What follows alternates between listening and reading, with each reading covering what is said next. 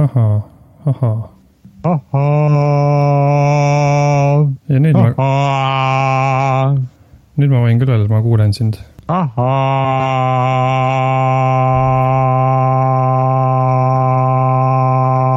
kas sa kuuled mind ka? ma kuulen sind väga hästi. aa, väga hea.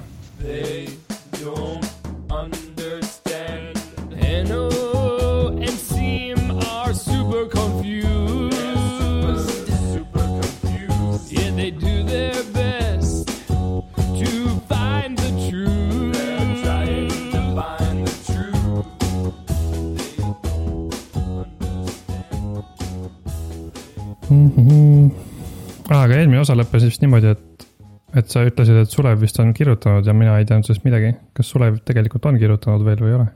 mulle tundus, et oli, oota, ma otsin. me lugesime kommentaari altruismi kohta, eks ju, oleme näinud.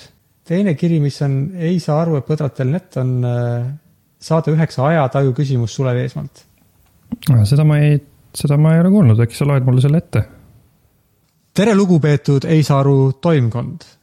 saatest seitse altruismi jäi õhku kümne osa protsenti oma vara annetamisest, mis kohustaks ka meid, rikkaid eestlasi, seda tegema. siis nüüd saates üheksa ajataju võtsite huvitav teema üles sünnitusvalude kohta. olles ise nüüd sellel alal ekspert äh, jutumärkides ja ka jutumärkides kange sünnitusvalu kannataja, siis endal on täpselt needsamad küsimused tekkinud, mille te juba kokku võtsite. et mille kuradi pärast see sünnitamine peab nii valus olema? evolutsioon peaks ju juba piisavalt kaugel olema, et elus on ainult need naised, kes kannatavad valu rohkem ja kelle puusad oleks disainitud lapse väljalaskmiseks samas järjest enam liigume me ajajärku, kus inimesed teevad vähem füüsilist tööd ja seega füüsilise valu kannatamine väheneb. aga sama kehaga sünnitamisprotsess läheb aina valulikumaks. et hetkel tundub, et see sünnitusprotsess tuleb kindlasti üle vaadata. Eelkõige raseduse iseeneslik katkemise protsent on ikka viisteist kuni kakskümmend protsenti kõigist rasedustest ja see protsent ei ole evolutsiooni käigus paranenud ning kui juba selle kadalipu on naine läbinud ja jõuab sünnitamiseni, mis on valusam valusast, inseneri vaatepunktist on ju kohe näha, et need probleemid on ilmselgelt lubamatud ja kogu lapse ilmale toomise protsess ei tohiks nii keeruline olla. samas on juba olemas emaüsa simulaatorid, kus saaks oma lapse üheksaks kuuks kasvama panna. Kas see on ainuke loogiline lahendus pikas pers- perspektiivis? Sulev. hmm,. ei, kuidas Sulev on, Sulevil on laps. nii et ta teab ka sünnitusvaludest nii palju, kui üldse üks, ükski inimene sünnitusvaludest teada saab. täpselt nii.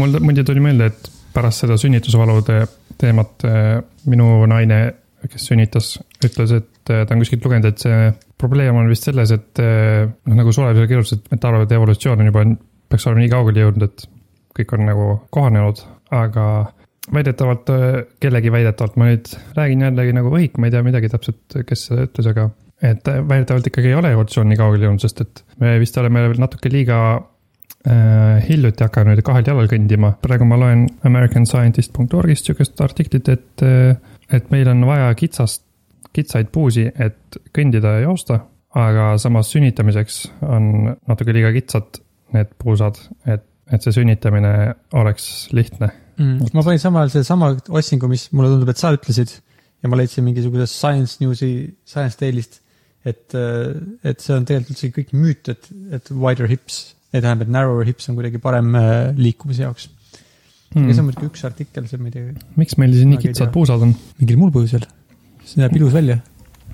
mulle Ei, meeldis, mulle, mulle meeldis see Sulevi, mulle ei meeldi nagu Sulevi kirjast see, et sünnitamine, et see ei peaks olema nii valus, nagu on, mm. -hmm. nagu keegi peaks kuulama seda praegu ja siis äh, otsustama, et aa, okei okay,, vot, noh, et teeme ikkagi normaalsemaks sünnitamise, et see on nagu naljakas, et äh, et kellelgi, kes pidi sellega tegelema, läks jah, nagu meelest ära, et, et ta pidi selle keegi- aus.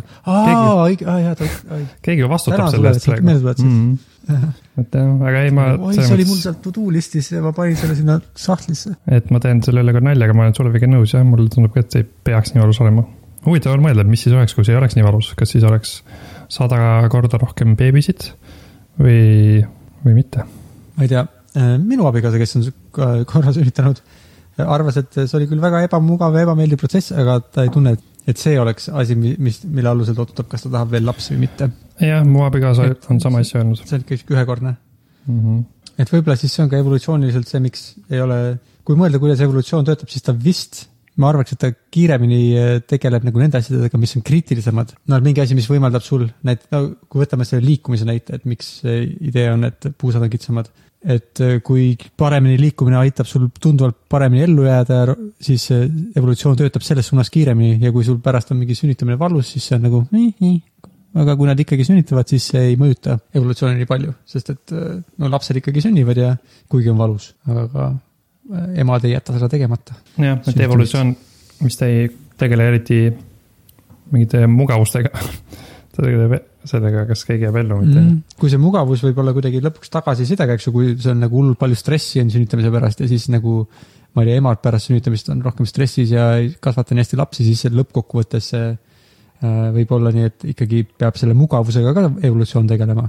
aga seni, kuni see ei mõjuta järgnevate põlvkondade ellujäämist ja juurdekasvu, seni evolutsiooni jaoks ei ole, on see täiesti kõrvaline. aga eks me vist, kui ma saan õigesti aru evolutsioonist, siis me vist ju natuke ka nii-öelda takistame ele- evolutsioonitööd, kui me aitame kõhust välja need beebid, kes eh, muidu võib-olla ei suudaks sündida, sest nende pead on liiga suured. seal me hiilime sellest evolutsioonist vist kõrvale ja siis evolutsioon ei saagi oma tööd teha. kas ei ole mitte nii? mm. -hmm. mis on okei okay, muidugi meie jaoks, aga ma, evolutsioon ilmselt viibutab oma rusikat kuskil. No aga evolutsiooni poolest on ka okei okay,, sest et avastab, noh, ma ei peagi sellega tegelema, selles mõttes, et nad tegelevad sellega ise, no seda jah, evolutsioon on, selles mõttes, et evolutsioon andis meile suured ajud, et me saaksime leiutada viisi, kuidas suurte peadega lapsi kõhust välja saada, nii et nad ellu jäävad, nii et evolutsioon on nagu, ah, jess, ma optimeerisin selle ajude suunas ja see tasus ära. jah, see on tõsi. evolutsioon võib endas sisaldada ka neid tööriistu, mis me oleme leiutanud, kuidas ennast paremini elus hoida. Tegelikult. Mhm, sest ilma evolutsioonita me ei oleks suutnud leiutada. just nii. Kas see on tõsi, et eh, meie ajud said nii suureks kasvada ja eh, keerukaks muutuda, sest et me leiutasime, meie, mina ja sina siis leiutasime selle, Mm -hmm. selle mõtte, et eh, toitu saab küpsetada. et meie kõht ei peaks nii palju tööd tegema ja see energia saaks rohkem minna aju, ajule Mm, ma olen ka midagi sellist kuulnud. mm.. ma ei mäleta, kuidas, ma ei ole kindel, kuidas selle põhjuslikkuse, põhjuse ja tagajärjega on selles osas, sest et see oli vist keeruline teema tegelikult, et kas oota, kuidas sa seda ütlesid, et mis, et see, et me õppis, hakkasime toitu küpsetama, siis sellepärast sai meil aju nii suureks kasvada. jah, et Ahah. siis kuna, kui me sööme toorest liha, et siis meie organism peab rohkem vaeva nägema, et sealt seda energiat välja saada, aga kui see nii-öelda siis eelküpsetada meie kõhu jaoks, siis ta saab kiiremini hakata lagundama energiaks ja siis jääb rohkem energiat üle. kuidagi suunati see siis aju, aju poole ja aju hakkas eh, mul tuleb, ennast, aju hakkas bodybuild ima siis. ma olen seda kuulnud, mul tuleb millegipärast meelde, et seal oli nagu mingi nüanss või vähemalt mingi kahtluse noot.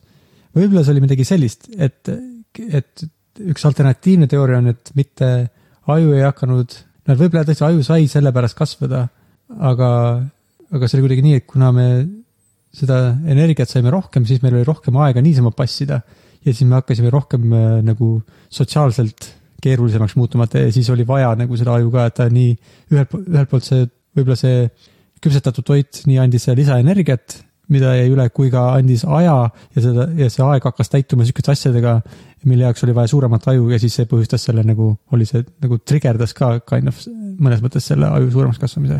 sest et nüüd meil järsku okay. oli vaja suuremat aju, sest meil oli nagu keerulisemad sotsiaalsed, et kes on boss ja et meil oli selleks nüüd aega, enne oli lihtsalt, et kõik koguge süüa, koguge süüa, et me ära ei sureks. aa, okei okay,, et kuna me nüüd saime, nüüd, kuna me küpsetasime liha, siis oli rohkem aega. oota, aga miks on rohkem aega, kui me sööme Mhm, küpsetatud saaksime liha? rohkem äh,, jah, võib-olla sellepärast, et me saime sealt rohkem energiat kiiremini kätte ja, ja siis Mm. meil oli nagu, sa püüad selle looma kinni, küpsetad liha, sööd ära ja siis muidu oleks pidanud mingi puhkama ja seedima tükk aega, aga siis oli sul nagu see tehtud ja nüüd on okei okay,, mis ma nüüd teen. mm,. okei okay., et vanasti oli nii, et sõid toorest liha, siis olid nurgas ja oli ebameeldiv olla, aga nüüd sõid liha ära ja siis said hakata oma asju tegema. võib-olla see on nagu olnud, võib-olla see, mida mina mäletan, on olnud lihast võetud üldse äkki põllumajandusest või midagi sellist, jah, see, see võib küll olla aga, no mingi sarnane areng. et tekib see ülejääk, et siis sa ei pea kogu aeg jahtima, on ju, vaid sul on mingi Mm. varu. ja siis see teine pool, mis sa sööd, kuna oli rohkem aega ja tekkisid, võib-olla siis see on ka pigem põllumajandusega seotud, et tekkisid mingid vastutused ja tööjaotused, ja siis keegi pidi olema boss ja siis kuna see boss pidi tegema keerulisi sotsiaalseid süsteeme, siis ta aju pidi, aju hakkas arenema ja aju hakkas teistsuguseks muutuma. selle ühe tüübi aju muutus teistsuguseks ja siis kõik ajud olid säteles pidid teistsugused. niimoodi see töötabki. kas sa seda, kas sa neid Jaapani ahve oled näinud, kes elavad seal, mingid paavianid, ma ei tea, kas neil on punased tagumikud, vist on, elavad seal oma selles kuumaväelikas ja tšillivad kogu aeg. et see on, nii palju kui mina mäletan, siis see on mingi teatud makaagi liik, kellest mõned elavad seal sellises kuumavälikas ja seal on neil hullult nagu hea ja soe olla, kogu aeg nad põhimõtteliselt veedavad terved päevad seal. Ja vist, ma ei tea, mille pärast neil rohkem süüa ka on, võib-olla selle kuumavälika juures kasvab. igatahes need, kes elavad seal kuumavälikas, on täiega mingid äh, siuksed nagu neil käivad kogu aeg mingisugused äh, kaklus selle üle, kes on nagu boss ja kogu aeg on mingisugune hull äh, sihuke. nii sotsiaalsed intriigid toimuvad kogu aeg, kui ka igasugune mingi äh, äh, naiste ja meeste ülelöömine ja petmine ja mingisugune kaklus, ühesõnaga hullud siuksed sotsiaalsed keerulised intriigid käivad neil kogu aeg. aga samas sellesama liigi makaagid, kes ei ela seal kuumavälikas, kes elavad lihtsalt kuskil metsas, neil on hullult vähe süüa, põhimõtteliselt need on väikestes gruppides äh, kogu aeg käivad, otsivad süüa ja on hullult nagu noh, noh, neil ei ole mingisuguseid intriige või midagi, neil ongi mingi viiene grupp ja põhimõtteliselt kõik nagu tahavad, näevad vaeva, et elu, elus püsida. samas kui need hot springi omad nagu kogu aeg ainult äh, lösutavad seal nagu korjavad seal toidu, aga vist inimesed annavad neile ka, sest neil on nagu vist vaatamisväärsus. Nad elavad seal hot springis, söövad inimeste toitu kogu aeg te, nagu äh, ja intrigeerivad kogu, kogu aeg. et selles mõttes nende aju, nende ajud äh, peavad siis nagu neid intriige oskama punuda, et nagu olla võimekad, et olla selles grupis järeltulijaid saada, siis nad peavad olema kõige paremad in- intriigitsejad ja intriigitsemine vajab tõenäoliselt suuremat aju, et sa pead mitte ainult oskama nagu toitu otsida, vaid sa pead oskama ennustada, mida teised indiviidid mõtlevad, teevad ja tahavad teha ja äh, sellel tulenevalt ise mingisuguseid äh, plaane seadma. et see on palju keerulisemalt on vaja modelleerida maailma selle jaoks, et see on võib-olla sedasorti asi, mis hakkas inimestel ka toimuma, kui neil oli rohkem vaba aega ja vähem oli vaja ka- kasutada aega toidu söömise peale. et siis neil olid sotsiaalselt läks elu keerulisemaks.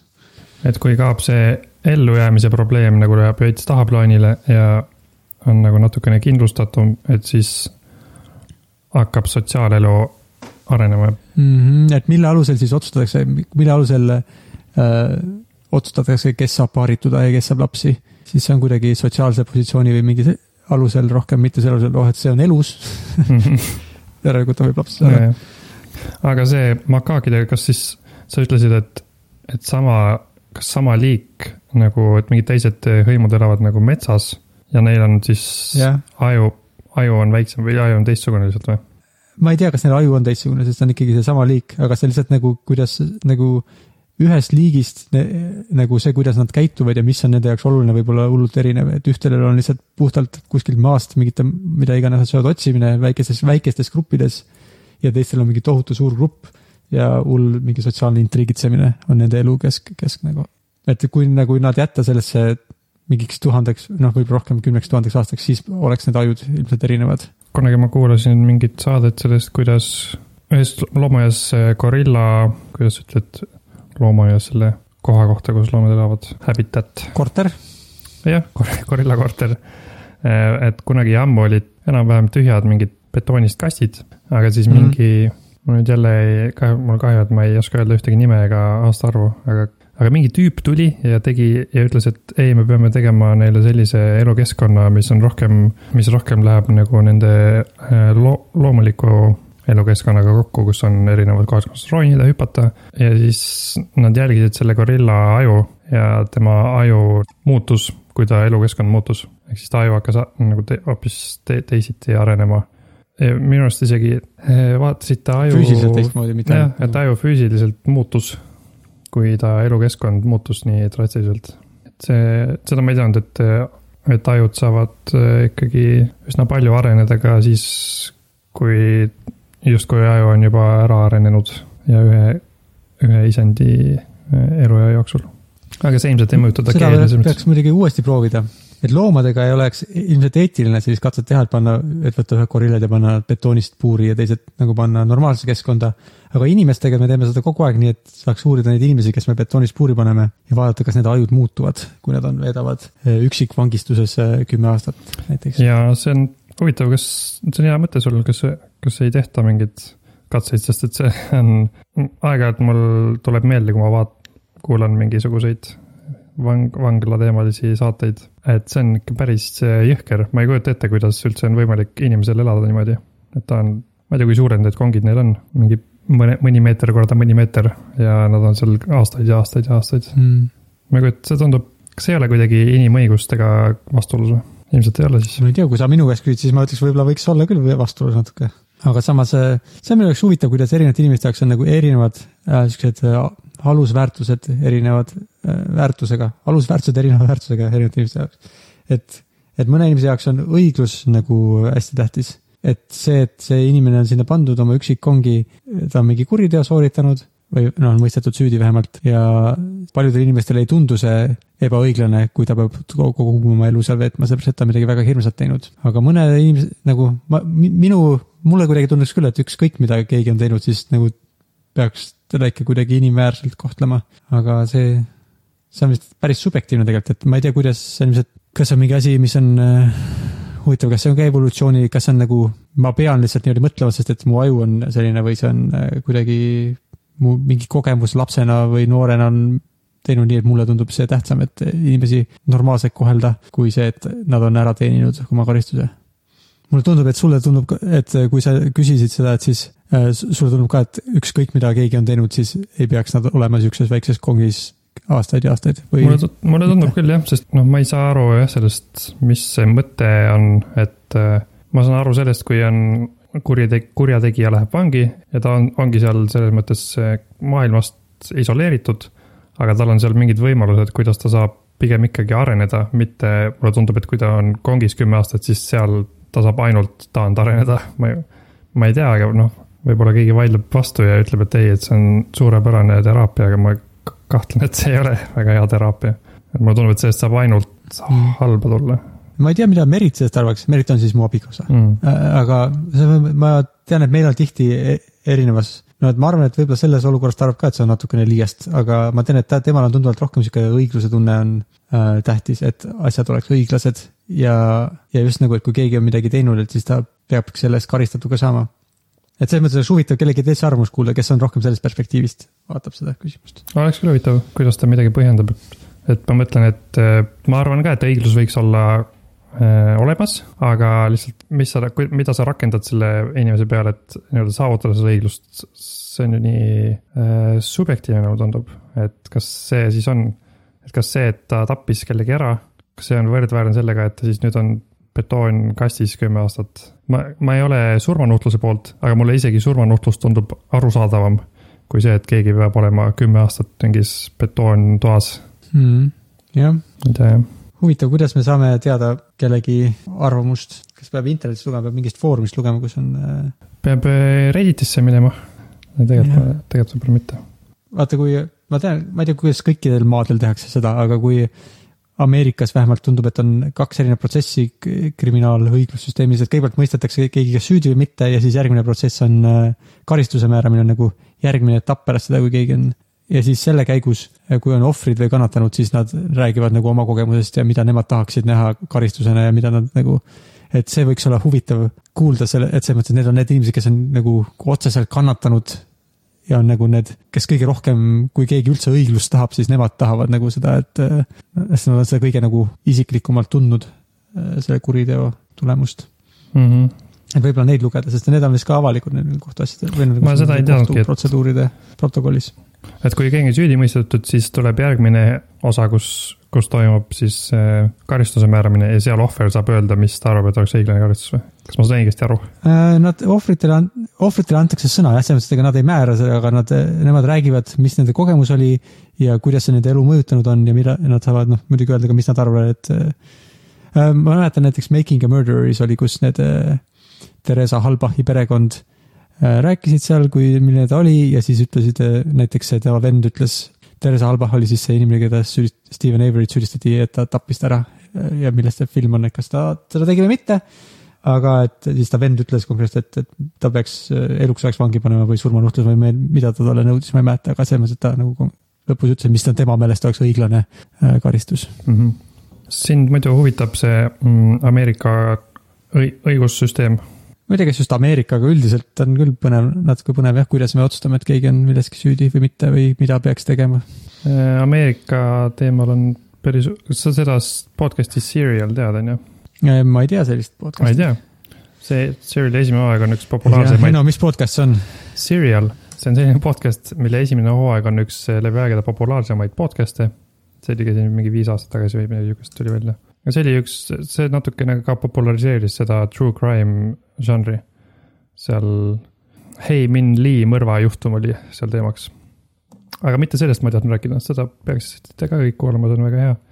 Aga ma tahtsin rääkida sellest, et see kolmas hooaeg praegu keskendub äh, minu arust päris põnevale asjale, on äh, niimoodi, et nad enam-vähem lihtsalt äh, hängivad seal ühe USA linna kohtumajas ja Mm.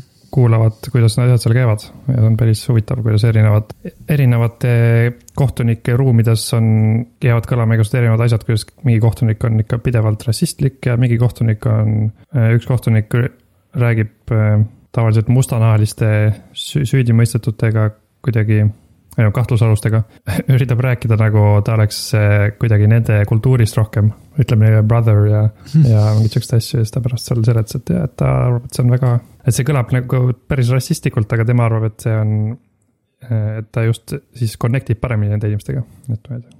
et väga huvitav oli kuulata, kuidas, ma ei ole kunagi mõelnud, et kohtunikud kuidagi, et kohtunike iseloom nii palju midagi mõjutab, ma ei tea, kuidas Eestis on, aga seal, seal tundus küll, et see on päris äh, suur asi.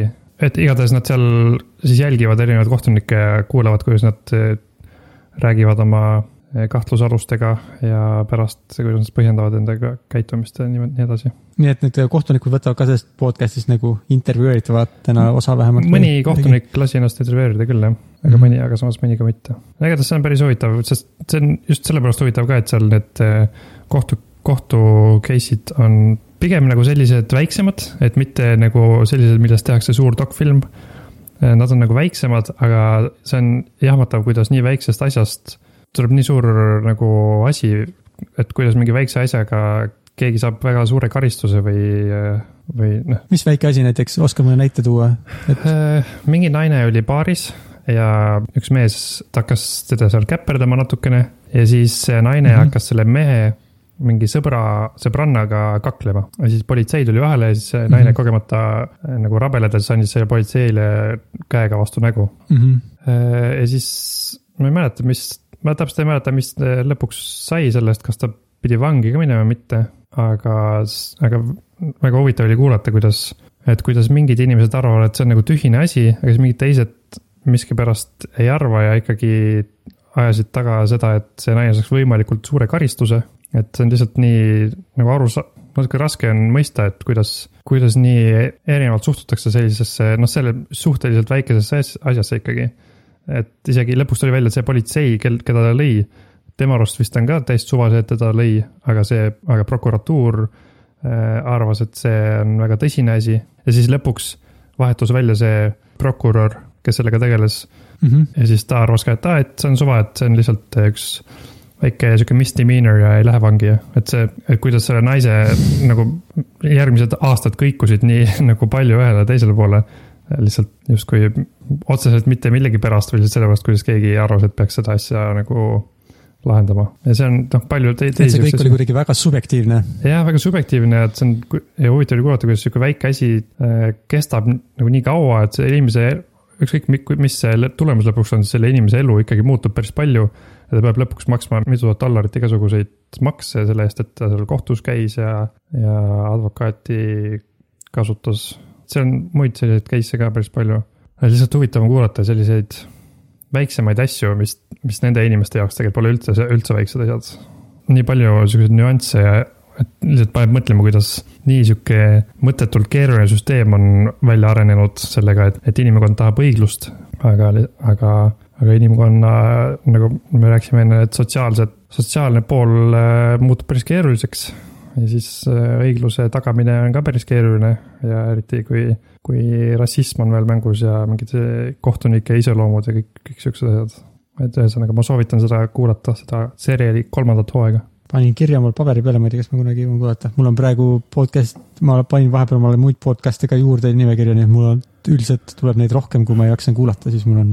mm,. okei okay., ma tahaks kuulda selle nimekirja, aga seda ei pea vist äh, kõikidele kuulajatele praegu ette rääkima, võid mulle pärast ma võin, ma ei tea, kas ma saan, ma saan share ida kindlasti kuidagi. sa võid share ida jah. seal on väga palju, ma panin, ma põhimõtteliselt panin tegelikult oma lihtsalt väga palju igast tarkvaraarenduse ja siukseid podcast'e, mida mm. Ma kunagi olen viitsinud kuulata, aga siis tükk aega ei kuulanud, siis ma panin uuesti tagasi ja siis neid oli, kuna ma ei tea, millised on head, siis ma panin neid päris palju, et nagu kuulata mõni episood erinevatest ja siis nüüd mul lihtsalt on sissetulevaid osasid liiga palju, et ma ei jaksaks neid kuulata. aga jah, sa võid seriaali esimese hooaega panna sinna, kuigi see on juba nüüd, kuna see true crime on juba nii tavaliseks saanud, siis see ei ole võib-olla enam nii lahe. sest et ta on pigem sihuke aeglane, aga kui midagi teha ei ole, siis mida me siis ise, mida me enda jaoks peame sellest järeldama, ma mõtlen, kas sul, kas peab võtma omale siukse mingi äh, kriminaalkindlustuse või et juhul, kui sina satud olema see õnnetu, kes kogematu la lajatab politseinikule, et siis sul oleks vähemalt kohtukulud kaetud ja professionaalne esindus tagatud, ilma et sa pankrotti läheks selle käigus. kas see on midagi, mida igal inimesel vaja on elus? ma ei tea, kuidas Eestis selle asjaga on, aga mulle on jäänud mulje nüüd kõik peale kõiki neid aastaid, kui true crime on olnud populaarne žanr, et isegi kui ma ei ole peaaegu üldse seotud mingi asjaga, mida ma kasvõi näiteks siis pealt nägin, siis ma kindlasti ei peaks rääkima ühegi detektiiviga, mitte ühegi politseinikuga, vaid ütlema, et ma tahan advokaati, sest muidu ma lähen eluks ajaks vangi võib-olla. see on see, mida ma olen õppinud, aga ma ei tea, kui ma, huvitav oleks eh, teada, mis, kuidas Eestis on nende asjadega, kas Eestis on ka mingid sarnased probleemid või ei ole üldse sihukest probleemi, et ma, et see õppetund nii-öelda on veel pooleli, sest ma ei tea, ma ei tea, kuidas ma pean siin meie kultuuris käituma eh, sarnastes olukordades. Ma arvan, et see kehtib igal pool, et äh, ükskõik, mida sa ütled, sellest väga harva võib sellest sulle mingit kasu otseselt olla, sest võib olla kasu kellelegi teisele, et mingi, nad saavad informatsiooni, mida nad saavad kasutada selles mõttes, sellest võib ühiskonnale kasu olla, aga sulle endale väga harva. nagu, et ükskõik, mida sa ütled, sa ei saa sellega nagu vähem süü-, keegi ei hakka uskuma sind, et sa oled vähem süüdi, ainuke, mis sa saad teha, sa võid anda infot, mille alusel nad võivad leida veel põhjuseid, miks sa võiks olla rohkem süüdi, kui nad kaht- otsustavad sind kahtlustada kuidagi. et vist isegi äh, ma kunagi vaatasin ka mingisugune, mingi päris kuulus video on vist selle kohta Never talk to the police, kus mingi advokaat räägib ja tal on hästi palju näiteid selle kohta, kuidas mitte kunagi, isegi, isegi kui sa oled ise advokaat, siis sa ei tohi politseinikuga rääkida, vaid sa pead võtma omale advokaadi, kes sinu eest räägib. isegi kui sa arvad, et sa tead, mida sa teed, sest et sa ei pruugi, tal oli mingeid näiteid selle kohta, kus vist mingi advokaat arvas, et ta teab, mida ta teeb, aga ikkagi keeras kõik tuksi ja rääkis liiga palju. et ühesõnaga jah, et kui sul on vähegi sihuke tunne, et et sulle võib midagi negatiivset sellest tulla, siis tasub vist väga ettevaatlik olla ja anda minimaalne kogus infot, mis sa saad anda, mis sa arvad, et on hädavajalik, et, et ühiskonna äh, mutrike olla ja aidata kaasa õiglas, õiglusele. no et kui sa oled ikka mingi pealtnägija, sa võid öelda jah, et ma nägin midagi, kui politsei küsib, kuhu poole pätt jooksis, siis kuidagi ilmselt seda võib, aga sa võid näpuga näidata, see võib Jah. olla okei okay.. Aga üks suurim asi, mis on meelde jäänud, et kui sa sa pead täpsustama, et ta ei olnud pätt, ainult sa pead ütlema, et ma nägin indiviidi, kes liikus selles suunas, ma ei ole kindel, kas ta oli või ei olnud pätt. mm, ma arvan, et ma nägin, ma, mul praegu tundub, et mulle meenub, aga ma ei ole päris kindel, kas ma pärast ka seda mäletan. et üks suur asi, mis mulle on meelde jäänud, on see, et, et mingid eh, detektiivid teevad inimesel seal ülekuulamisruumis olemise nii ebamugavaks nad venitavad nii kaua, hoiavad seal tunde ja tunde, et lõpuks sa tunnistad üles midagi lihtsalt sellepärast, et sa saaksid sellest olukorrast välja. et see on vist üks kõige nagu siukseid jõhkramaid asju, mis on minu arust nende, läbi nende aastate mulle meelde jäänud, et juhtub, eriti nooremate inimestega siis, sest nad lihtsalt, eriti nagu alaealistega, mingite lastega, kes tahavad lihtsalt saada koju. aga kui nad tunnistavad, et nad on milleski süüdi, siis me, siis äh, läheb väga halvasti, et seal serial, seriali kolmandas hooajas oli ka üks sihuke case. Ja siis, kuna ma olen juba nii ammu, olen aru saanud, et mitte kunagi ära ütle, nagu ära ütle et, see, et aga see ei olnud serialis, ma kuulan mingisugust äh, küber, küberkuritegevuse podcast'i. ühte, kedagi vist süüdistati mingi haiglasse sisseäkkimises ja siis detektiivid ütlesid, et kui sa tunnistad, et sa oled süüdi, siis me jätame su ema ja su tüdruksõbra rahule, et noh, ütle vähemalt, et süüdi, et nad, et saavad nagu, nendega ei juhtu midagi. Ja siis ta mõtles, et okei okay,, et ma ütlen, et praegu ma olen süüdi, et küll ma pärast saan vabaks ja siis eh, ma mõtlesin ka sel hetkel, et sa ei saa, sa ei saa pärast vabaks. see on ka nii tihti niisugune tihe asi, mis on juhtunud minu arust sihukestes asjades, et, et detektiivid lubavad sulle ma ei tea, midagi. kui vana nagu või kui, kui palju või nagu mis hetkest on inimene nagu võimeline selli-, nagu sellisest manipulatsioonist nagu üle olema, sest ma arvan, nagu ma kujutaks ette, et ma praegu ei teeks seda. Ma ei ütleks nagu, et ma ei tunnistaks midagi sellepärast, et mul on praegu ebamugav ja ma loodan, et see ebamugavus läheb üle. aga ma tean, et mul on, ma ei tea, kas ma olen rääkinud sulle seda kogemust, kui ma olin laps, siis eh, mu naabrilt varastati kuuri eest lukk ära. ja ta arvas, et seda tegin mina ja siis ta kutsus mitu last oma korterisse ja ütles mingi, tulge siia mingi, ma mingi annan teile midagi, ma ei mäleta, mis ja siis me läksime sinna ja siis ta ütles, et okei okay,, et kes varastas selle luku ära, umbes, et enne ei saa välja, kui ütlete, et varastas, siis ta arvas, et see olen mina ja ta lasi teistel ära minna ja ütles, et ma ei saa enne ära minna, kui ma tunnistan, et ma võtsin selle luku ära. ja ma tunnistasin üles, et ma võtsin selle luku, ma ei, ma ei võtnud seda lukku, selle võttis üks keegi teine, kes ma pärast sain teada, kes seda tegi. aga selles mõttes, et ma olin seal, mul oli ka nagu, ma kartsin ja ma tahtsin ära minna sealt. ja no ma olin siis, ma võisin olla isegi, ma ei tea, kui vana, kas ma käisin koolis või ma olin, kui ma käisin koolis, siis see oli nagu esimestes klassides. aga selles mõttes, et mul see, see oli ilm, ilmselgelt liiga vara, et ma arvan, mingit seitsmeaastast ei kuulataks nii üle, aga lihtsalt ma suudan sellega samastada nii hästi, et ma saan aru, kuidas see nagu sul on ebamugav ja sa nagu sa mõtled sellest olukorrast, kuidas ma selle olukorra lahendan, mitte nagu äh, kuidas ma oma elu, elu mul hästi läheb tulevikus pikas perspektiivis. okei okay,, oota, ma, kas ma sain õigesti aru, said algklassides käisid, su, keegi varastas su naabri luku ära, kuuriluku. ja siis mm -hmm. su Mhm. naaber, jah mees, mees, mingi vanem mees või? mm, -hmm. jep, vana, vanem mees kutsus hunnik lapsi oma koju jep, Äh, ja siis need lapsed läksid ta koju ja siis sina jäid sinna üksi ja ta, ta ütles, et, et see, kui ma üritan praegu ette kujutada, kuidas, et te seisite koos seal toas ja ta ütles, et, et sa ei tohi enne ära minna, kui sa üles me vist istusime kuskilt peal, aga okei okay., kas ta oli nagu Jah. kuri ka või? ma selles mõttes, et see oli nii, ma ei, see, seda Mm. ma ei mäleta. mul kas- see okei. kõik on siuke no, nagu okei okay., see kõlab pigem mäletan igatahes. seda, kui et see, et see sündmus leidis aset, kui nagu, et see oleks mul väga nagu Mm, see, see on, ma arvan, see on- jääb mulle eluks ajaks meelde, aga ta ei ole nagu nii dramaatiline või äh, traagiline, et mul oleks selles nagu mingid Okei. siuksed selged mälupildid või midagi sellist, et oo, kuidas ma ja ma ärkaks öösel selle peale üles, aga see kõlab päris jubedalt, sest et ma kujutan ette, isegi kui praegu ma oleks sellises olukorras, kus minust mitu korda suurem mees ütleks, et sa ei lähe siit ära, kui sa tunnistasid midagi üles, siis ma arvan, et kui ma tunneks, et ma olen äh, füüsilises ohus, siis ma tõenäoliselt ütleks ka, mida ta, mida iganes ta tahab, et ma ütleks. sest seal ei saa öelda ka, et ei, ma tahan advokaati, sest see on, see on natuke veel, mõnes mõttes veel nagu karmim olukord. ja ma kujutan võib-olla jah, Mm. aga samas ma arvan, kui sa tunnistad üles äh, endast suuremale mehele midagi, Mm -hmm. mida ta tahab, et sa üles tunnistataks, siis ma arvan, et see võib ka aknast välja lennata, et siis sa, kui ta on sulle lubanud midagi, et siis saab kõik korda. Mm -hmm. Oleks ikkagi üsnagi ettevaatlik, et üles tunnistada midagi, mida ma ei ole teinud. jah, tõsi. jah, ma ei tea jah, mis, mis vanusest, sest ma vaatasin ka, kui see, see sari, mida sa juba mainisid, Making a Murder, et seal oli ka see mees Steven Avery, kes oli, ma arvan, mingi keskealine ja siis aga tema õepoeg vist, kes oli sihuke keskkooli laps ja seal näitas neid detektiivi eh, ülekuulamise lindistusi, siis seal oli ka näha, et Steven Avery ilmselt oli juba oma õppetunni saanud, kuna ta oli juba korra käinud vangis millegipärast midagi teinud. et seal sai näha, et tema ilmselt ei murdu, ta seal, ta, ta ütles justkui siis kõike õigesti, et ei, ta ei teinud midagi, ta tahab advokaadiga rääkida. aga siis see tema nephew täiesti vastupidiselt, noh, põhimõtteliselt lõpuks ütles kõike, mida detektiivid tahtsid, tahtsid, et ta ütleks. et see jah, ma mm, -hmm. ma tahaks jälle loota, et ma praeguseks olen ka sellises seisus, et ma enam ei, ei ütle, mida inimesed tahavad, ma ütlen. aga see on, ma arvan, et jah, see on päris keeruline olukord, kus sul tegelikult sees olla ja kui sul on päriselt ebamugav ja kui päriselt tahad sealt ära saada, mis, mis iganes võimalus on. jah, sest et äh, mul tuleb veel üks teine töönäide meelde, kus minu meelest meil oli mingi audit või midagi Skype'is ja siis ka umbes see audiitor ütles mulle, oo rääkige, kuidas teil siin on, et teeme kõik korda umbes, et ja siis ma arvan, ma lobisesin ka midagi liiga palju välja, et tal läksid umbes silmad punni, mida teete seda niimoodi või mis asja. ja siis mul oli ops, sest ikkagi see ja siis ma olin ikka täitsa täisealine ja olin noh, kuigi ma, siis ma olin juba mitu aastat ka töötanud äh, sihukeses vallas, aga ma ei olnud audiitoritega enne läbi käinud, nii et ma ei olnud nagu, ma olen teiste töökaaslastega ikkagi küsib, kuule, mis meil siin süsteemis probleemid on, siis noh, see probleem on ja teine probleem.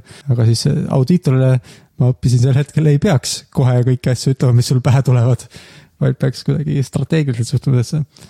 et ilmselgelt varjata ka ei tohi, kui ta midagi küsib, aga sa ei pea hakkama ise pakkuma talle öö, öö, nagu asju, mille, mida sa pead pärast hullult seletama, miks see okei okay on.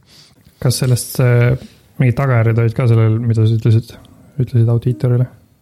ei no see audit lõppkokkuvõttes läks normaalselt, aga selles mõttes ta lihtsalt, ma arvan, ma arvan, see lihtsalt oli ootamatu tema jaoks, et tuleb mingi informatsioon mingite asjade kohta, mille pärast ta peaks muretsema mm.. ja see on üks viis, kuidas spionaaži teha, et sa ütled, et sa oled audiitor ja siis kutsud firma turvainimese rääkima, et missugused turvaaugud teie firmas on. mm. -hmm. aga ma arvan, enamik äh, inimesi ei ole nii naiivsed, kui mina olin ja ei hakka kohe rääkima turvaaukudest. ma selle Making Murder'i kohta, tulles tagasi selle nagu siukse, et mida inimesed peavad tähtsaks või kuidas nende väärtushinnangud on. ma ei tea, kas seda osa oled näinud, see on teisest hooajast, kus äh, nad on vist oma selle osariigi ülemkohtus, mitte nagu Ameerika ülemkohtus, vaid osariigi ülemkohtus vaidlevad selle üle, kas äh, see noorem poiss siis, kes on vaimselt natukene vähem arenenud, kas tema ülestunnistus on äh, nagu okei okay või mitte, kas sa nagu seda osa oled näinud, kus nagu need kohtunike arvamused sellest, ma vist ei ole veel näinud seal lindi peal viimati ma nägin seda osa, kus eh, nad palkasid selle staaradvokaadi mm., okei ma ei ole vist veel jõudnud sinna. et see on nagu huvitav, kuidas seal on, on nagu on. Ma ei mäleta, kas need oli kolm kohtunikku või viis kohtunikku, kes on vaadanud sedasama linti sellest poisist, kes, kes, kellele nagu noh, minu perspektiivist ka söödetakse asju ette ja küsitakse ja küsitakse seni, kui ta tunnistab, et ta tegi seda asja, mida need detektiivid küsisid, et, et umbes, et äh, mida te ta peaga tegite, ütle, mida te tegite ta peaga. ja see, kui ta ei ütle, et tulistasite, siis ütleb, okei okay,, kas te tulistasite seda? ja, ja me tulistasime, et nagu umbes niisugune intervjuu on ju, vähemalt minu perspektiivist. Ja nende kohtunike arvamused on ka, kuidas üks on nagu, see on täiesti nagu aktsepteerimatu ja see on nagu, see mul oli nagu halb olla, kui ma seda intervjuud kuulasin, see on nagu hirmus. ja teine kohtunik on minu meelest see on täitsa normaalne nagu uurimistaktika ja kõik on nagu siin, ma ei tea, mis siin sellest suurt asja teha, et kui me ütleme, et nii ei tohi teha, siis nagu kõik meie nagu tavaline politseitöö, mida me teeme, lendab aknast välja ja see ei ole nagu mingi, nagu siin ei ole mitte, midagi viga. ja nagu, nagu sama linti on vaadanud ja täiesti nii nagu täiesti erinevad perspektiivid, mitte natukene erinevad, vaid nagu täiesti ühes äärmuses ja teises äärmuses põhimõtteliselt. mm. -hmm. see on huvitav, huvitav jah, kuidas ma kujutan ette ka, et mingid inimesed vaataks seda ja ütleks, et, et noh, aga ta ju ikkagi, need olid tema sõnad, tema ütles nii ja. aga nad vist, siis mul sihuke tunne, et ma tahaks, et need inimesed oleks ise selles situatsioonis ja siis vaadaks, kuidas nad tunnevad ennast selles situatsioonis.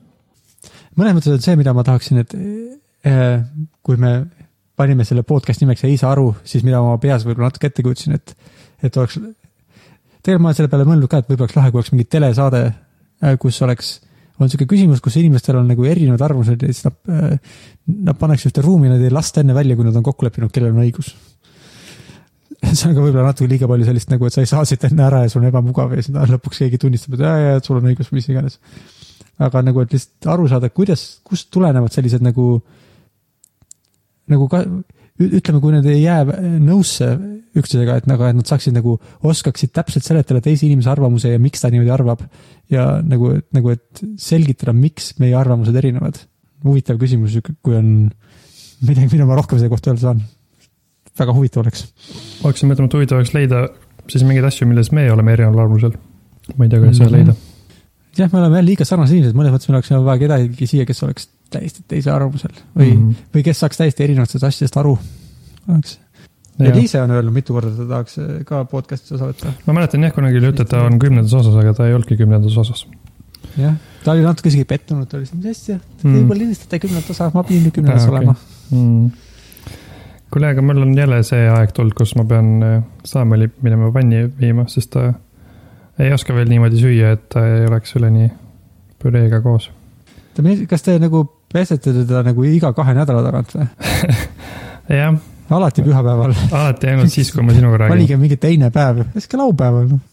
jah, okei, Mhm. aga ma lähen. aga head pesu siis. okei tšau., tšau.